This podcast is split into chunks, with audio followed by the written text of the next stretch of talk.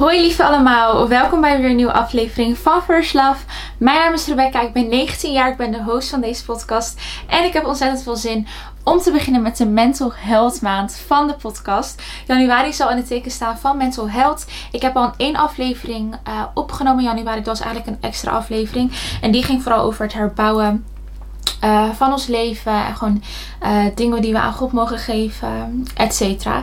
En vandaag zullen we vier afleveringen, yes, vier afleveringen uh, online komen vanaf vandaag. Die gaan over burn-out. Uh, ik ga het hebben met meiden over mental health. Uh, ik ga jullie vragen over mental health beantwoorden. En er zal ook ruimte zijn om te luisteren naar jullie verhalen. Waar jullie waar zijn jullie doorheen gegaan? Wat hebben jullie meegemaakt? Zodat we eigenlijk gewoon een beetje steun bij elkaar kunnen vinden. En dan is eigenlijk ook gelijk mijn vraag of jullie dat zouden willen insturen. Je kan me een berichtje sturen op Instagram. Um, eigenlijk een beetje met je getuigenis over mental health. En dan uh, zal ik hem opnoemen. Het zou anoniem zijn of niet als je graag je naam genoemd wil hebben. En uh, dan hebben we eigenlijk soort van gewoon een beetje ruimte om elkaar naar, om naar elkaar te luisteren. Dus als je dat zou willen doen, zou ik dat echt heel erg op prijs stellen. En uh, nou, jullie vragen dus ook over mental health beantwoorden. En de laatste aflevering is eigenlijk hoe we uh, onze woorden kunnen gebruiken om leven te spreken in plaats van dood. Want in de Bijbel staat dat onze tong die bepaalt eigenlijk of we leven en dood uitspreken. En laten we gewoon leven uitspreken en goede dingen over onszelf uitspreken. Zodat het ook onze realiteit wordt. Want ik weet niet of jullie het herkennen, maar als je de hele tijd ja, narigheid over jezelf uitspreekt, dan voel je je ook gewoon naar. Net hetzelfde als je bijvoorbeeld de hele tijd verdrietige muziek luistert, dan word je op een gegeven moment ook gewoon verdrietig. En dat is eigenlijk ook wat er met onze woorden gebeurt. Want alles wat we uitspreken, dat komt eigenlijk uit ons hart. En we mogen gewoon kijken van, oh, waar is mijn hart en hoe kan ik leven over mezelf gaan uitspreken en hoe kan ik leven gaan geloven. En ik denk dat het zo'n mooie afsluiting is voor de maand en dat we gewoon hebben gepraat over allerlei dingen die ja, lastig zijn, maar dat we toch weten van oké, we kunnen het veranderen samen met God. En uh, nou, daar gaan we gewoon lekker over kletsen. Maar zoals ik al zei, de allereerste aflevering, aflevering gaat dus over burn-out. En als je de vorige aflevering hebt geluisterd, kon je eigenlijk al horen dat het eigenlijk uh, helemaal misging op een gegeven moment. Jongens, altijd komt mijn kat binnen en het lijkt me zo af. Maar dat maakt niet uit. Uh, even. En uh, nou, het ging eigenlijk op een gegeven moment helemaal mis. Maar ik had nog niet echt in de gaten dat ik een burn-out had. Uh, maar ik had toen gesproken op een jeugdavond. Toen zei ik, ja jongens, het waren me even allemaal echt te veel. En toen later kwam ik er dus achter dat ik een burn-out... Uh, dat ik in een burn-out zat. En ik dacht, oké, ik wil niet vandaag te veel over feiten ingaan. En zeggen van, oké, dit en dit en dit. Hier komt het door, hier komt het door. En dit moet je doen. En dit is wat de sites zeggen. En dit is wat... Ik wil niet te veel over feiten ingaan. Ik wil eigenlijk gewoon een beetje mijn ervaring ermee delen. Eigenlijk vanaf het begin tot het einde. Ik wil er gewoon open en eerlijk over kletsen. Ik heb het ook helemaal niet voorbereid. Ik dacht, ik ga gewoon zitten. En ik ga gewoon kijken wat er in mijn hoofd opkomt en wat ik wil delen. En ja, we gaan gewoon eerlijke en open gesprekken hebben. En ik heb er eigenlijk best wel veel zin in. Um, en ik moet wel eerlijk zeggen, ik had wel even op een uh, site gekeken even snel van oké, hoe gaat het eigenlijk met de mental health onder de uh, jongeren? En dat was echt heel erg gestegen. Heel veel uh, jongeren hebben gewoon last van uh, mentale gezondheid door school, door stress, door eenzaamheid, door allerlei dingen. Er zijn echt ja, grafieken echt omhoog gestegen, zeg maar. Dat vond ik echt ja, gewoon echt zo pijnlijk om te zien dat er gewoon zoveel jongeren zijn die zoveel last hebben en zo gebukt gaan onder ja, allerlei dingen. En eigenlijk wil ik, ik wou daar pas later zeggen, maar eigenlijk wil ik dan gewoon ook gelijk een um, tekst opnoemen. En dat staat in Matthäus 11, uh, vers 28. Even kijken, ik doe hem even in het boek. Oh nee, denk even in de gewone taal. Kom naar mij als je moe bent. Kom naar mij als je gebogen gaat onder het gewicht van je problemen. Ik zal je rust geven. En dat is een tekst die mij echt heel erg heeft geholpen. En ik weet nog dat ik ook, toevallig moet ik daar nu ook aan denken. Maar er is een nummer. Uh, volgens mij heet die Promises van Maverick City. Ik weet het even niet zeker, maar daar zeggen ze ook van: Ik ben nooit meer geliefd dan dat ik nu ben. En um, wat zeggen ze nou in het Nederlands? Van dat je God niet zeg maar, zeg in het Engels zeg maar, I wasn't holding you up, so there's nothing I can do to let you down. We kunnen God niet naar beneden halen en ze zeiden ook van, uh, het is geen trofee wat we aan u moeten geven voordat u trots op ons bent. En al die dingen waren echt eigenlijk dingen die ik moest horen van, oh, um, ik hoef eigenlijk niet alles ja, omhoog te houden. En ik hoef God helemaal niks te bewijzen. En ik hoef niet... Uh, mijn trofee aan hem te laten zien. Het is oké als ik nu verdrietig ben en als het niet goed gaat. En als het me allemaal even niet lukt, dan is dat oké. want er is niks wat ik kan doen om hem minder van mij te laten houden. En ik ben net zo geliefd nu als op de momenten dat ik me heel goed voel. Ik ben net zo geliefd nu als op de momenten dat ik me eigenlijk super slecht voel. En gewoon die eerste zin, dat pakte me gewoon zo erg dat ik dacht, ja, ik ben nooit meer geliefd dan dat ik op dit moment ben. En dat wil ik ook tegen je zeggen. Je bent nooit meer geliefd dan op het moment dat je nu bent. Je zal voor altijd zo ontzettend geliefd zijn. En misschien voel je je helemaal niet geliefd. En denk je, oh, is dit alle liefde die je aan mij kan geven? Maar gelukkig zegt ons gevoel uiteindelijk niks. En gelukkig mogen we kijken naar de waarheid. We mogen denken, oh, zelfs als ik het niet voel, nog steeds houdt u dan zo ontzettend veel van mij. Want dat is wat u over mij zegt. U, houdt dat, u zegt dat u zoveel van mij houdt. Dat u zelfs uw enige zoon hebt gegeven. Dat hij voor ons zou sterven. En dat we gewoon voor altijd in de eeuwigheid met u kunnen leven. En hij wou niet die eeuwigheid hebben zonder ons. En we mogen zo dankbaar zijn dat we dat met hem later mogen vieren. En dat we dat nu op aarde eigenlijk ook al dag voor dag met hem mogen vieren. Zelfs al voel je je niet zo. En dat nummer had ik heel vaak gehoord. Maar toen pakte het me gewoon even op een andere manier. Dat ik dacht van ja, wauw, daar wil ik echt in geloven. En er is ook een andere tekst die ik dan nog snel even wil opnoemen. Uh, even kijken of ik hem kan vinden hoor. Dan moet ik even de... Ja, even kijken, even kijken, even kijken.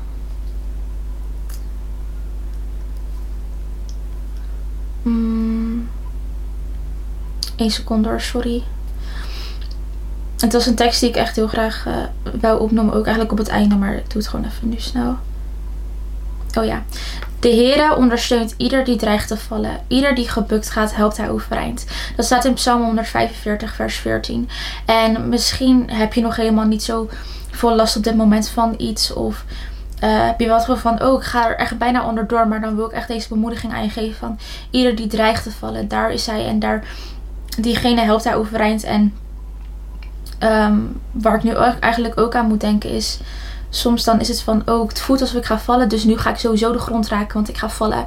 Maar dat is niet wat God wil doen. Hij wil ons niet pas helpen op het moment dat we al zijn gevallen. Hij wil dat zo graag voorkomen. En hij wil zo graag oh, dat, dat je gewoon tegen hem zegt, oh hier, dit is nu aan de hand. Maar help mij en pak mijn hand vast, zodat het niet nog dieper valt. En misschien is het nu wel een beetje een trend geworden als het ware. Iedereen deelt zijn problemen. En iedereen zegt ja, dit en dit en dit. En het lijkt bijna wel cool als je iets hebt, right? Wat met mentale gezondheid te maken heeft. Want dan kan je dat zeggen of zo. Maar ik wil je gewoon um, zeggen van... Het is niet leuk om in iets te zitten wat je zo erg naar beneden haalt. En je bent geroepen om in vrijheid te leven. En je mag die vrijheid echt vastpakken. Dus laat het niet tot het einde komen. Maar zeg gewoon, oh hier, ik heb u nu al nodig. En zeg dan ook misschien tegen mensen van, oh ik denk dat het echt misgaat. Kan je me nu al vasthelpen. En niet pas wachten op het einde. Op het einde, want hij wil niet eens dat je daar komt. Hij wil dat je al um, ja, eruit komt. En misschien dat je, ja, dat heb ik nodig als mijn testimony. Echt iets, iets wat echt diep was. En echt iets wat crazy was. Zodat ik een testimony kan hebben en dat kan delen. Maar jij als persoon, dat is al een testimony genoeg. Dat God in jou leeft, is al een testimony genoeg.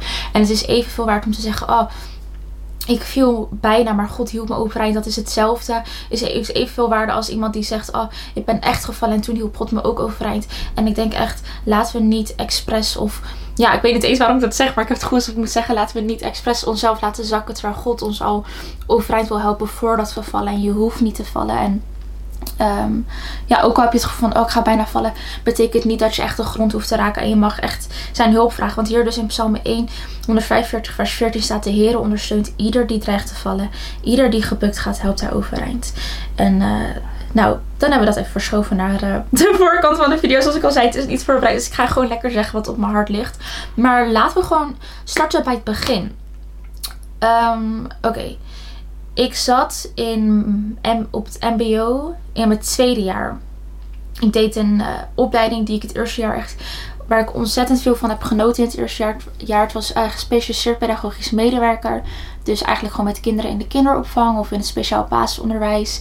En mijn eerste jaar had ik echt super erg genoten. Ik genoot van uh, de mensen, om opleiding van de opleiding zelf, van de vakken. Dus ik was super excited voor het tweede jaar. En ik had dus besloten om uh, stage te lopen bij het speciaal basisonderwijs. En dat was eigenlijk iets wat ik vanaf het eerste jaar al wou, maar dat kon dus niet. Dus ik was mega excited. En ik merkte gewoon um, op een gegeven moment van... Oh, het is echt best wel, best wel zwaar, maar het is logisch, want oké, het is iets nieuws. En toen ging het op school eigenlijk ook opeens minder. Ik kon me even niet zo goed meer concentreren. En ik was echt alles was even veel. Uh, maar steeds schoof ik het gevoel weg. Want ik weet nog dat er, op moment, op, dat er een moment was dat ik uh, eerder de klas uithouden. Want ik was even helemaal overprikkeld. Toen ging ik dus even met een docent naar buiten. En toen opeens bam kwam alles eruit. En ik zei allemaal dingen waarvan ik niet eens kon herinneren dat ik dat ooit had gevoeld. Maar blijkbaar was het er dus wel. Want het kwam er allemaal uit. En vanaf dat moment was er even een realisatie in mij van... Oh, er is echt iets wat niet oké is.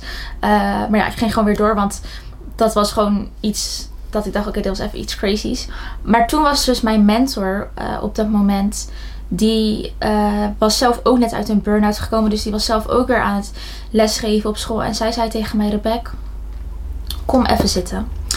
Uh, en toen zei ze van, ik zie gewoon aan je dat het gewoon helemaal niet goed gaat met je. En je bent gewoon niet meer de, dezelfde Rebecca. En ik zeg dit niet nu om gemeen te zijn, maar je gaat van school af. En ik dacht echt, wat? Ga je me nou gewoon wegsturen? En ze zei niet van, ja, je moet naar van school af omdat je iets verkeerds hebt gedaan, maar meer om mij te beschermen.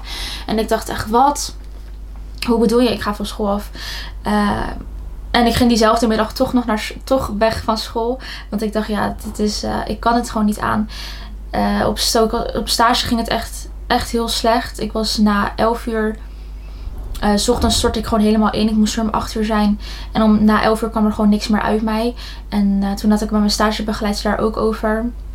En ze zei van ja Rebecca, ik, ik heb niks aan je eigenlijk. Want er komt gewoon niks uit. En ik wou zo graag, want uh, ik wou zo graag op een speciaal basisonderwijs werken. Ik wou zo graag al mijn tijd en energie daaraan geven. En überhaupt, ik was altijd dat meisje dat altijd gewoon genoot van haar school. En van huiswerk maken. En van nieuwe dingen leren. Dat is iets echt waar ik zo ontzettend erg uh, van genoot. En om altijd mijn best te doen op stage. En echt 100% te geven. Dus het was ook zo tegenovergesteld van allemaal mensen zeiden opeens tegen mij. Ja het gaat niet en zo. Terwijl ik echt dacht, hè, maar dit is gewoon niet wie ik ben en waarom lukt het niet en waarom kan ik het niet en waarom lukte het altijd en waarom kan ik het nu niet meer doen. En ik weet nog dat al die gesprekken deden me zoveel. Want ik dacht, oh, maar ik wil helpen. En ik wil na elf uur ook nog steeds energie geven. Maar, maar het, kwam er gewoon oprecht niet uit. Er was niks in mij wat energie gaf. Um, en ik weet ook nog dat er uh, een moment was dat ik dus na stage ging ik terug naar de tram. Uh, om naar huis te gaan. En volgens mij ging ik toen zou het, was het de bedoeling dat ik ging naar de kerk ging om daar met het worship team te oefenen. En ik weet nog dat ik die uh, leidster van het worship team toen een berichtje stuurde van... Oh, ik kan het eigenlijk niet. Want toen kwam ook de realisatie van... Ik geniet helemaal niet meer van... Uh, de dingen die ik altijd deed in de kerk. Mijn hobby's, dansen, zingen. Uh, lekker onder de mensen zijn. Dat waren echt gewoon mijn hobby's. Dat was echt iets wat ik zo ontzettend leuk vond. En toen kwam weer opeens de realisatie van... Oh, ik, ik geniet er helemaal niet van. Ik vind het niet leuk. En ik bleef wel doorzetten nog een paar keer. Maar op een gegeven moment dacht ik van... Nee, ik, ik kan dit gewoon nu niet. Ik vind het niet leuk. En zo ging eigenlijk alles. Alles ging een beetje downhill.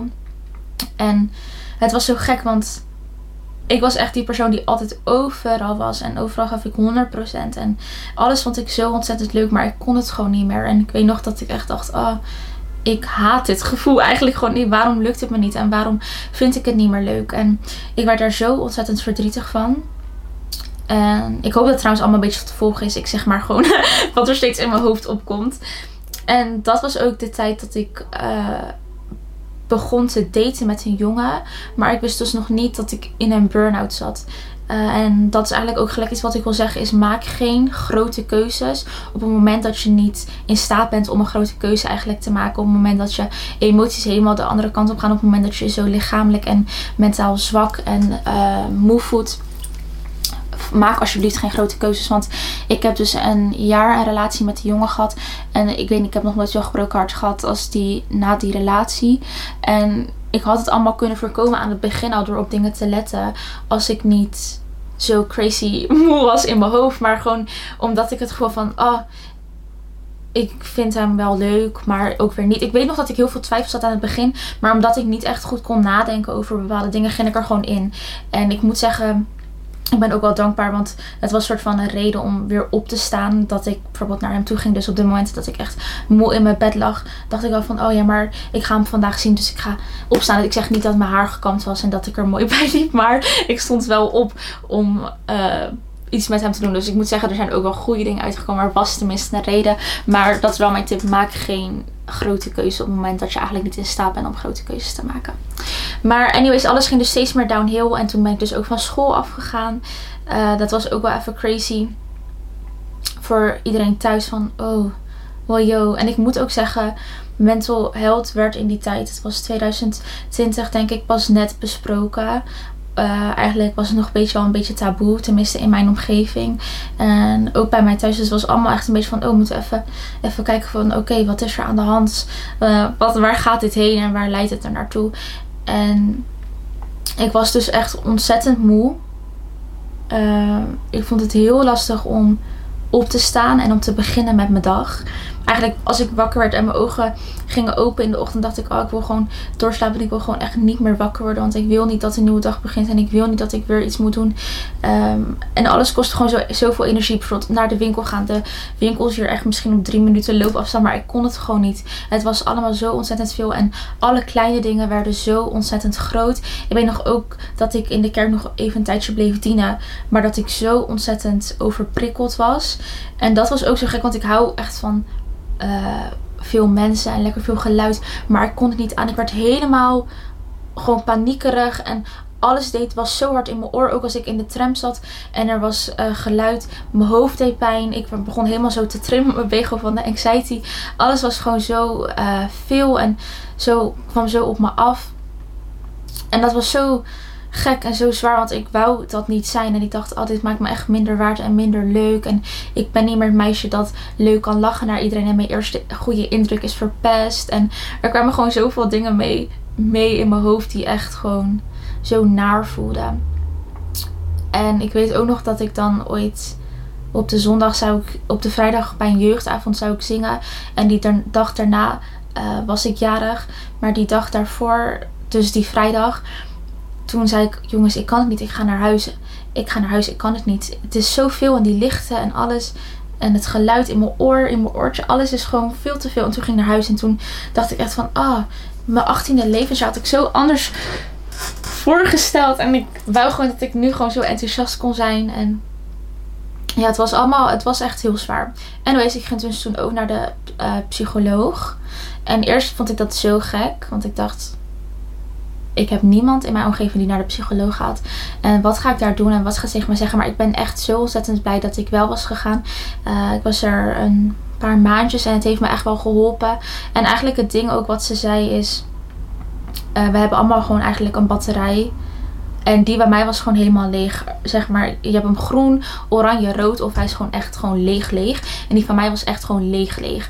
En ik kreeg allemaal opdrachten en ademhalingsoefeningen. Gewoon voor de stress ook die ik heel erg ervaarde.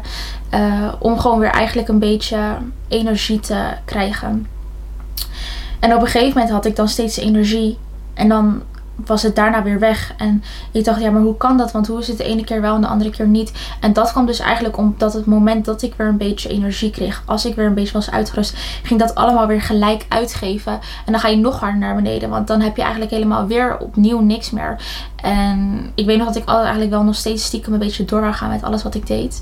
Dus ik wou nog steeds elke keer sporten en elke keer dit lezen en dat lezen. Want ik voelde me ook echt zo onproductief om gewoon thuis te zitten. En ik dacht echt, ja, maar dan houdt God niet meer van mij. Als ik hier maar onproductief thuis zit, dan heeft hij niks aan. Maar ik moet toch iets doen. En dat had me ook echt heel veel uh, pijn gedaan eigenlijk. Ook gewoon in mijn relatie met God, denk ik. Want ik schaamde eigenlijk me een beetje om naar hem te komen. Want ik dacht, het spijt me zo erg dat ik hierin ben gevallen. En nu heeft er niks meer aan mij. En nu kan ik niks meer zijn. En ik ben maar gewoon een, een lui kind wat hier in de bed ligt en niet zo veel doet. En dat deed me denk ik echt zo veel allemaal. Juist omdat ik, ik weet of je de tweede aflevering hebt geluisterd. Maar daar vertelde ik eigenlijk een beetje in dat ik echt... Uh, mijn waarde haalde uit wat ik deed. En dat was dus tot die burn-out zo. Dus ik zat in die burn-out en ik voelde me gewoon zo waardeloos. Want ik dacht, ja, ik heb geen waarde. En ja, ik beteken eigenlijk nu niks. En niemand heeft nu wat aan me. En ja, gewoon allemaal crazy, crazy dingen. Ik weet ook helemaal niet of ik dit goed uitleg. maar ik dacht, ik vertel gewoon een beetje waar ik allemaal doorheen ben gegaan op dat moment. Um, dus ja, waar was ik? ja, ik heb nu eigenlijk gewoon een beetje mijn gevoel en zo uh, verteld van hoe het allemaal voelde en hoe het eraan toe ging. En even kijken. Ja, dus ik voelde me eigenlijk ook gewoon een beetje waardeloos tegenover God. En toen kwam hij dus met dat nummer wat ik hoorde van dat ik nooit meer geliefd ben. Wat ik aan het begin zei, zodat ik, als dat ik op dit moment ben. En dat hij mijn lasten van mijn schouders wil overnemen. En dat is ook echt iets wat ik heb geleerd in die burn-out. Van ik hoef het helemaal niet alleen te doen. U wilt me zo graag helpen. En het gaat er ook niet om van hoeveel ik doe, maar hoe ik het doe. Met welke um, heart posture, met welke... Uh, ja, welke houding, eigenlijk hartshouding, welke welke dingen zeg je, welke dingen doe je. En het zit eigenlijk ook in die kleine dingen. Het hoeft niet altijd super groot te zijn. Daar is God ook helemaal niet op zoek. Hij zoekt niet naar de grootste dit. Hij zoekt niet naar de grootste dat. Hij zoekt juist mensen die hij wilt gebruiken. Die zich zo, ja, gewoon gebroken voelen. Want die mensen kan hij heel maken. En met die mensen, ja, wil hij gewoon hij wil er gewoon overeind trekken. Zoals ik net eigenlijk ook zei. Om gewoon een leven te leven waarin we weten wie we zijn. Wat onze identiteit is. Waar we het uit mogen halen. En dat we helemaal niet hoeven uh, te strijden voor zijn liefde, maar dat hij zijn liefde eigenlijk gewoon aan ons wilt geven. En dat is echt iets wat ik heb geleerd uh, tijdens de burn-out. Um, van oké, u houdt nog steeds van mij. Ondanks dat ik hier nu gewoon plat lig, bent u nog steeds trots op mij en houdt u nog steeds van mij. Ehm, maar aan de andere kant was het ook gewoon echt heel erg zwaar. Want ik was zo ontzettend moe en alles was zoveel. En ik wou zoveel, maar het lukte gewoon niet. En ik kan me eigenlijk heel gekkie, maar ik kan me eigenlijk helemaal niet meer voorstellen van hoe slecht ik me, ik me nou voelde. Ik weet ook nog dat ik net uit de burn-out kwam toen dacht ik, ja, ik kan eigenlijk niet eens terugdenken hoe slecht ik me eigenlijk voelde. Maar ik voelde me echt zo rot. Maar God heeft dat allemaal zo lief genezen. Uh, ook gewoon het gevoel wat ik toen voelde. Ik denk echt dat hij dacht: Rebecca, daar moet je gewoon niet aan vasthouden. Daar ga ik je gewoon van losmaken. En eigenlijk is dat ook wel soms zo bij mentale gezondheid. Mensen kunnen iets zeggen en dan zijn er allemaal dingen die erbij komen kijken van ja, dan krijg je automatisch dit en automatisch dat en automatisch zus en automatisch zo. Maar laten we daar eigenlijk ook gewoon niet te veel naar luisteren. Laten we gewoon zeggen, oké, ik voel me op dit moment zo. Maar ik weet dat u groter bent dan alles wat ik voel. Ik weet dat u groter bent en dat u alles kan genezen. Ik weet dat u groter bent en dat het allemaal niet voor mij hoeft te Ik weet dat u groter bent en dat het niet eens zo ver hoeft te komen. Ik denk dat het is zo belangrijk om ons ook uh, te voeden met zijn woord. En te weten wat hij zegt en hoe hij wilt, uh, ons wilt genezen. En dingen lezen zoals van oké, kom naar mij als je moe voelt. Uh, rust bij mij, drink je water bij mij. Gewoon door al dat soort dingen gewoon in ons hoofd te klampen. Zodat wanneer op het moment dat iemand tegen ons zegt ja Oké, je zit nu in fase 3 van de burn-out. Het wordt hierna nog slechter. Zeg maar, als we dat horen en tot ons aannemen, gaat het waarschijnlijk ook gebeuren. Maar als we denken, oké, ja, dit is wat ze normaal zeggen. Maar u bent geen normale God. U bent een bovennatuurlijke God. En u kan het veranderen. En u kan een omkeer brengen. En ik zal uh, wonder zijn. En ik zal uh, iedereen laten denken van, wow, hoe kan dat? En dat zou mijn getuigenis zijn. Eigenlijk net zoals wat ik eigenlijk net zei. We hoeven niet eens te vallen om al getuigenis te zijn. We kunnen juist zeggen, oh, normaal bij ieder ander mens had het misschien zo gaan. Maar ik heb het samen met God opgepakt. En bij mij is het juist andersom gegaan. En ik denk dat is zo krachtig. Want als we alleen maar blijven geloven wat al die dingen tegen ons zeggen. En dat geldt niet alleen voor burn-out. Dat geldt voor depressie, voor uh, anxiety, voor eetproblemen. Uh, en het is trouwens ook helemaal niet om te zeggen dat uh, de dingen die, die ze zeggen dat dat niet waar is. Of dat je je niet echt zo kan voelen. Of dat, het min, dat het waarde afneemt. Dat is totaal niet zo. Maar het is meer een bemoediging van, van oh, God is groter dan dat. En hij kan alles omkeren. En het is totaal niet gek bedoeld, want ik ben echt door alle crazy dingen heen geweest met die burn-out. Het was echt heel erg zwaar. Um, maar als ik er nu op terugkijk, denk ik, ja, ik had ook tegen mezelf kunnen zeggen van, oké, okay, Rebecca. God geeft je leven, hij geeft je een nieuwe dag. En ook al is het zwaar, we gaan tenminste vandaag uh, gewoon even een wandeling maken. Ook al, het klinkt, trouwens heel klein, gewoon even een wandeling maken. Maar het was zo zwaar om dat te doen. Maar gewoon dat we zeggen, oké, God, ik weet niet hoe ik eruit ga komen. Maar ik weet wel dat u mij hieruit kan halen. En wilt u mij gewoon weer nieuwe hoop geven. Want ik denk op het moment dat je door zulke dingen heen gaat, dan verlies je eigenlijk ook een beetje de hoop. Want je ziet gewoon niet meer hoe je er ooit uit kan komen. Ik kon echt niet zien hoe ik nu ooit weer uh, zo blij, de blije Rebecca kon zijn die ik daarvoor altijd was. Want dat gebeurde er ook echt heel veel gewoon emoties van uh, hoe ik me normaal voelde en wie ik eigenlijk was. Dat viel eigenlijk gewoon een beetje weg. Want ik voelde me helemaal niet meer zo. Toen dacht ik, ja, dan kan ik ook niet meer zo zijn. Um, en ik verloor mezelf daardoor eigenlijk ook gewoon een, beetje. En ik werd gewoon een beetje verdrietiger. En ik was gewoon een beetje van. Uh, gewoon omdat alles zo donker leek, dan werd mijn wereld eromheen eigenlijk ook gewoon mega donker. En dat was denk ik iets waar ik ook echt heel erg mee uh, struggelde op dat moment. Um, maar wat me uiteindelijk heeft geholpen is. Ja, ik heb denk ik gewoon de tijd uitgezeten. Hoe lang het duurde? Het duurde denk ik anderhalf jaar. Uh, dat ik er echt helemaal volledig vrij van was, van de burn-out. En helemaal weer gewoon ready was. Maar ik moet zeggen, er zijn dingen daarna ook wel echt veranderd. Nu vind ik het nog steeds niet fijn als er heel veel mensen zijn. Uh, nu vind ik het nog steeds niet fijn als er heel veel geluid is. Vroeger vond ik dat echt amazing. Ik vond dat zo gezellig. Maar nu kan ik nog steeds echt overprikkeld worden door het feit dat er uh, dan te veel mensen zijn. Of dat ik te veel dingen zie gebeuren. Dan denk ik nog steeds een beetje van, oh, wow, Maar dan, ja, dat hoeft ook niet per se erg te zijn. Je wordt natuurlijk ook ouder. En dingen veranderen ook gewoon. En dat is ook helemaal niet erg. Um, maar ja, het was wel gewoon uh, een crazy periode. En ik kan nu natuurlijk niet over alles praten, want ik heb niet alles meegemaakt. En dat betekent ook niet omdat je bijvoorbeeld deze maand jouw mental health struggle niet hoort, dat het niet belangrijk is. Ik wil echt zeggen dat iedereen is zo ontzettend belangrijk. En alles wat je doorheen gaat, al hoe groot of hoe klein het is, het mag er zijn en het is zwaar en dat erkennen we. Dus sorry als je bijvoorbeeld uh, je mental health struggle niet zou horen deze maand. Maar dat komt gewoon eenmaal omdat ik niet alles heb meegemaakt. En de mensen die ik ga uitnodigen hebben ook helaas niet alles meegemaakt. Maar ik geloof echt dat uh, door alles heen dat God er is en dat hij tot je situatie kan spreken. Ook al past het niet precies bij hoe je je voelt op dit moment.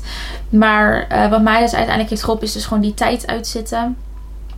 En ik heb gewoon um, op God vertrouwd op een gegeven moment dat het uh, goed zou komen. Ik weet nog dat toen mijn relatie uitging. Uh, maar toen was ik zelf ook nog niet helemaal uh, stabiel nog. En toen ging dus mijn relatie ook nog uit. En toen dacht ik echt van oké hier, dit gaat een omkeer zijn. En in plaats van nu gewoon erbij neer te zitten, ga ik gewoon geloven dat u het beste voor mij heeft klaarstaan. En wilt u mij helpen. En niet om te zeggen dat het altijd goed ging. Want vaak ging het ook nog steeds downhill. Want deed ook nog een beetje crazy dingen. Maar um, dat was echt een omkeer. Maar dat ik zei oké heer, ik geef alles aan u. Alle plannen waarvan ik dacht dat ze zo zouden gaan. Die zijn deze afgelopen twee jaar totaal niet zo gegaan. En dat is zo crazy. Maar daarom ga ik nu, uh, ga ik nu ervoor zorgen dat ik de, mijn pen van waar ik normaal mijn eigen verhaal mee schrijf, die geef ik nu aan u. En nu mag u mijn verhaal schrijven. En nu ga ik gewoon op u vertrouwen en geloven dat u het beste voor mij heeft. Dat u een hoopvolle toekomst voor mij heeft. Dat het uh, plan wat u voor mij heeft gemaakt, dat het zal uitkomen. En ik ga gewoon zelf stoppen met mijn eigen verhaal schrijven. En zelf proberen om God te spelen. En alles in mijn leven zo te laten draaien zoals ik wil dat het draait. Want het gaat toch niet zo. En ik kan maar beter naar u luisteren. U heeft mij gemaakt. U kent alle haren op mijn hoofd. U kent al mijn uh, verlangens. U kent mijn hart. U kent mijn diepste gedachten. En ik ga gewoon vertrouwen dat het plan wat u voor mij heeft gemaakt, dat het het mooiste plan is. Dat ik er zelf nooit in de buurt zou kunnen komen. En dat is iets wat mij heel erg heeft geholpen. Om er ook uit te komen. Om gewoon te vertrouwen op uh, God. In plaats van in mijn, op mijn eigen kunnen. Dus dat is iets wat mij echt heel erg heeft geholpen. Um, even kijken of ik toevallig iets heb in mijn notities of zo. Over hoe ik me voelde. Dat is wel leuk, denk ik. Trouwens, ik weet helemaal niet of uh, dit allemaal duidelijk is. Dat je echt denkt, wat zegt deze chickje allemaal? Maar ik dacht, ik share gewoon even mijn gevoel over de dingen die ik meemaakte. En uh, hoe ik me voelde. En oh ja, ik wil ook even zeggen, trouwens, dat het echt oké is om emotie te voelen. Want een van de reden, redenen waarom ik ook in een burn-out kwam, is omdat ik nooit emotie voelde, maar het altijd ging wegdrukken. Ik ging altijd iets doen om het gevoel uh, niet te voelen eigenlijk. Om een emotie niet te voelen ging ik er tegenover iets doen. Zodat het soort van wegging. Uh, maar het is echt oké om je emotie te voelen. En emotie mag er zijn. En zo verwerken we ook dingen. En het is oké als je verdrietig voelt.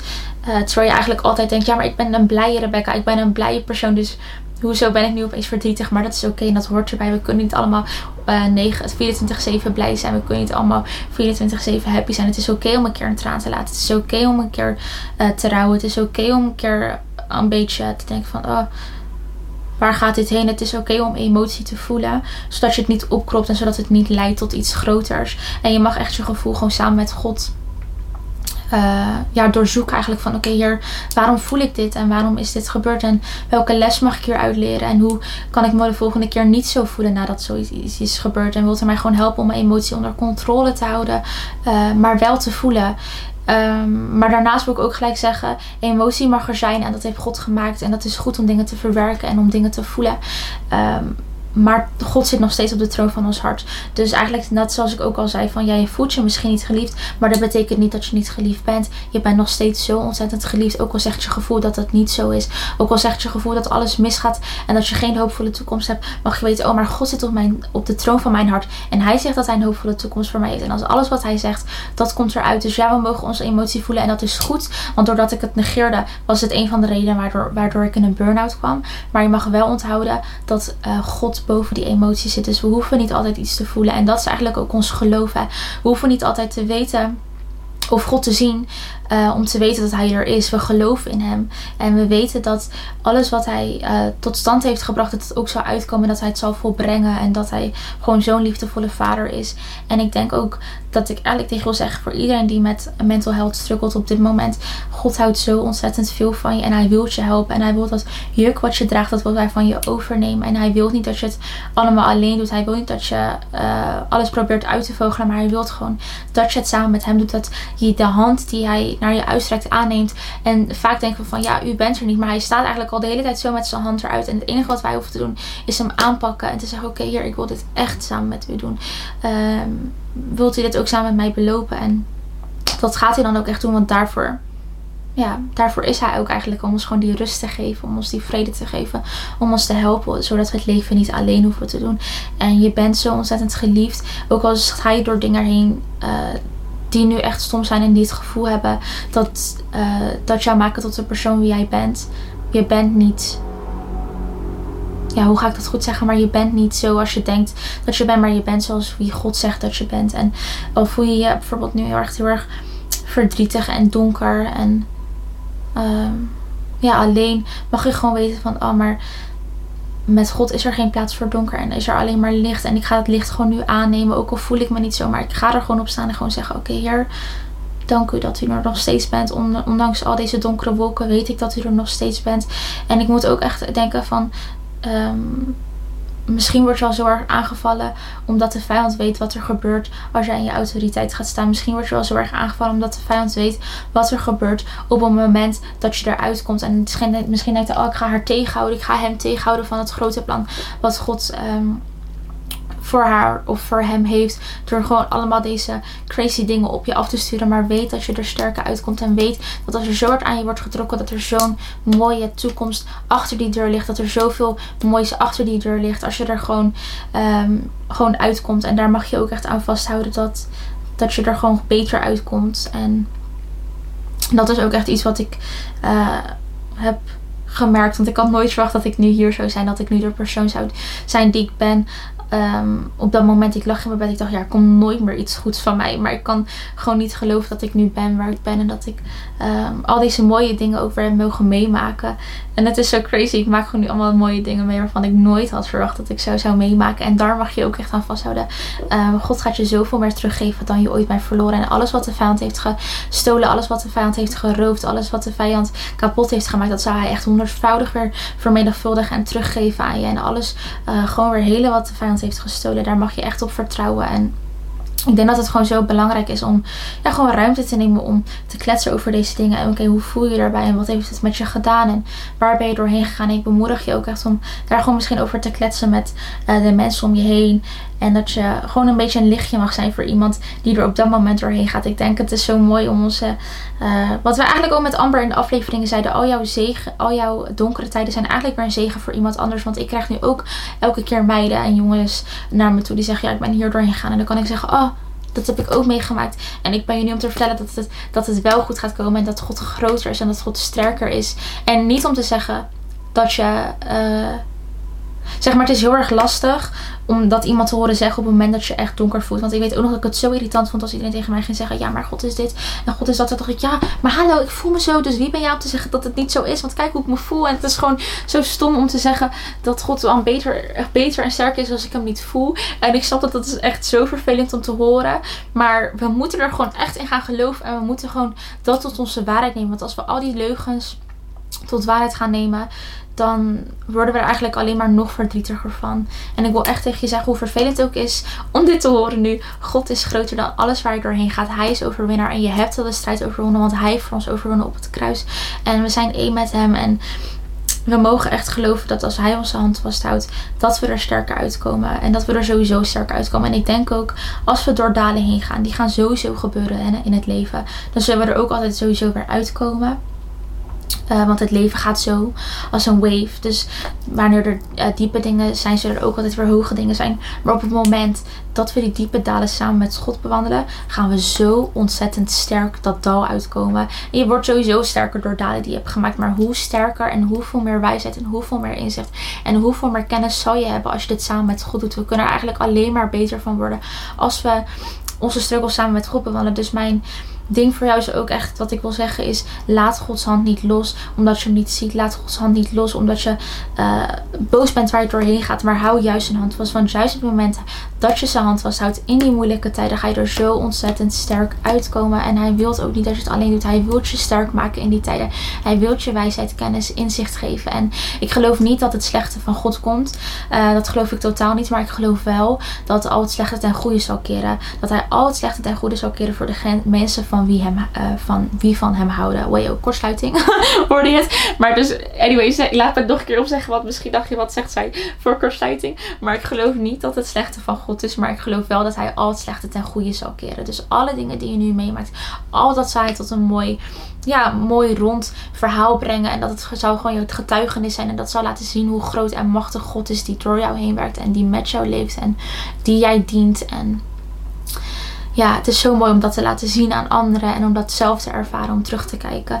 En daarom denk ik dat het ook echt heel erg goed is om misschien lekker te journalen en te reflecteren van oké, hoe voelde ik me toen, hoe voelde ik me nu. En dan kan je gewoon echt zien van oh, God heeft me hier uitgebracht en hier nu gebracht.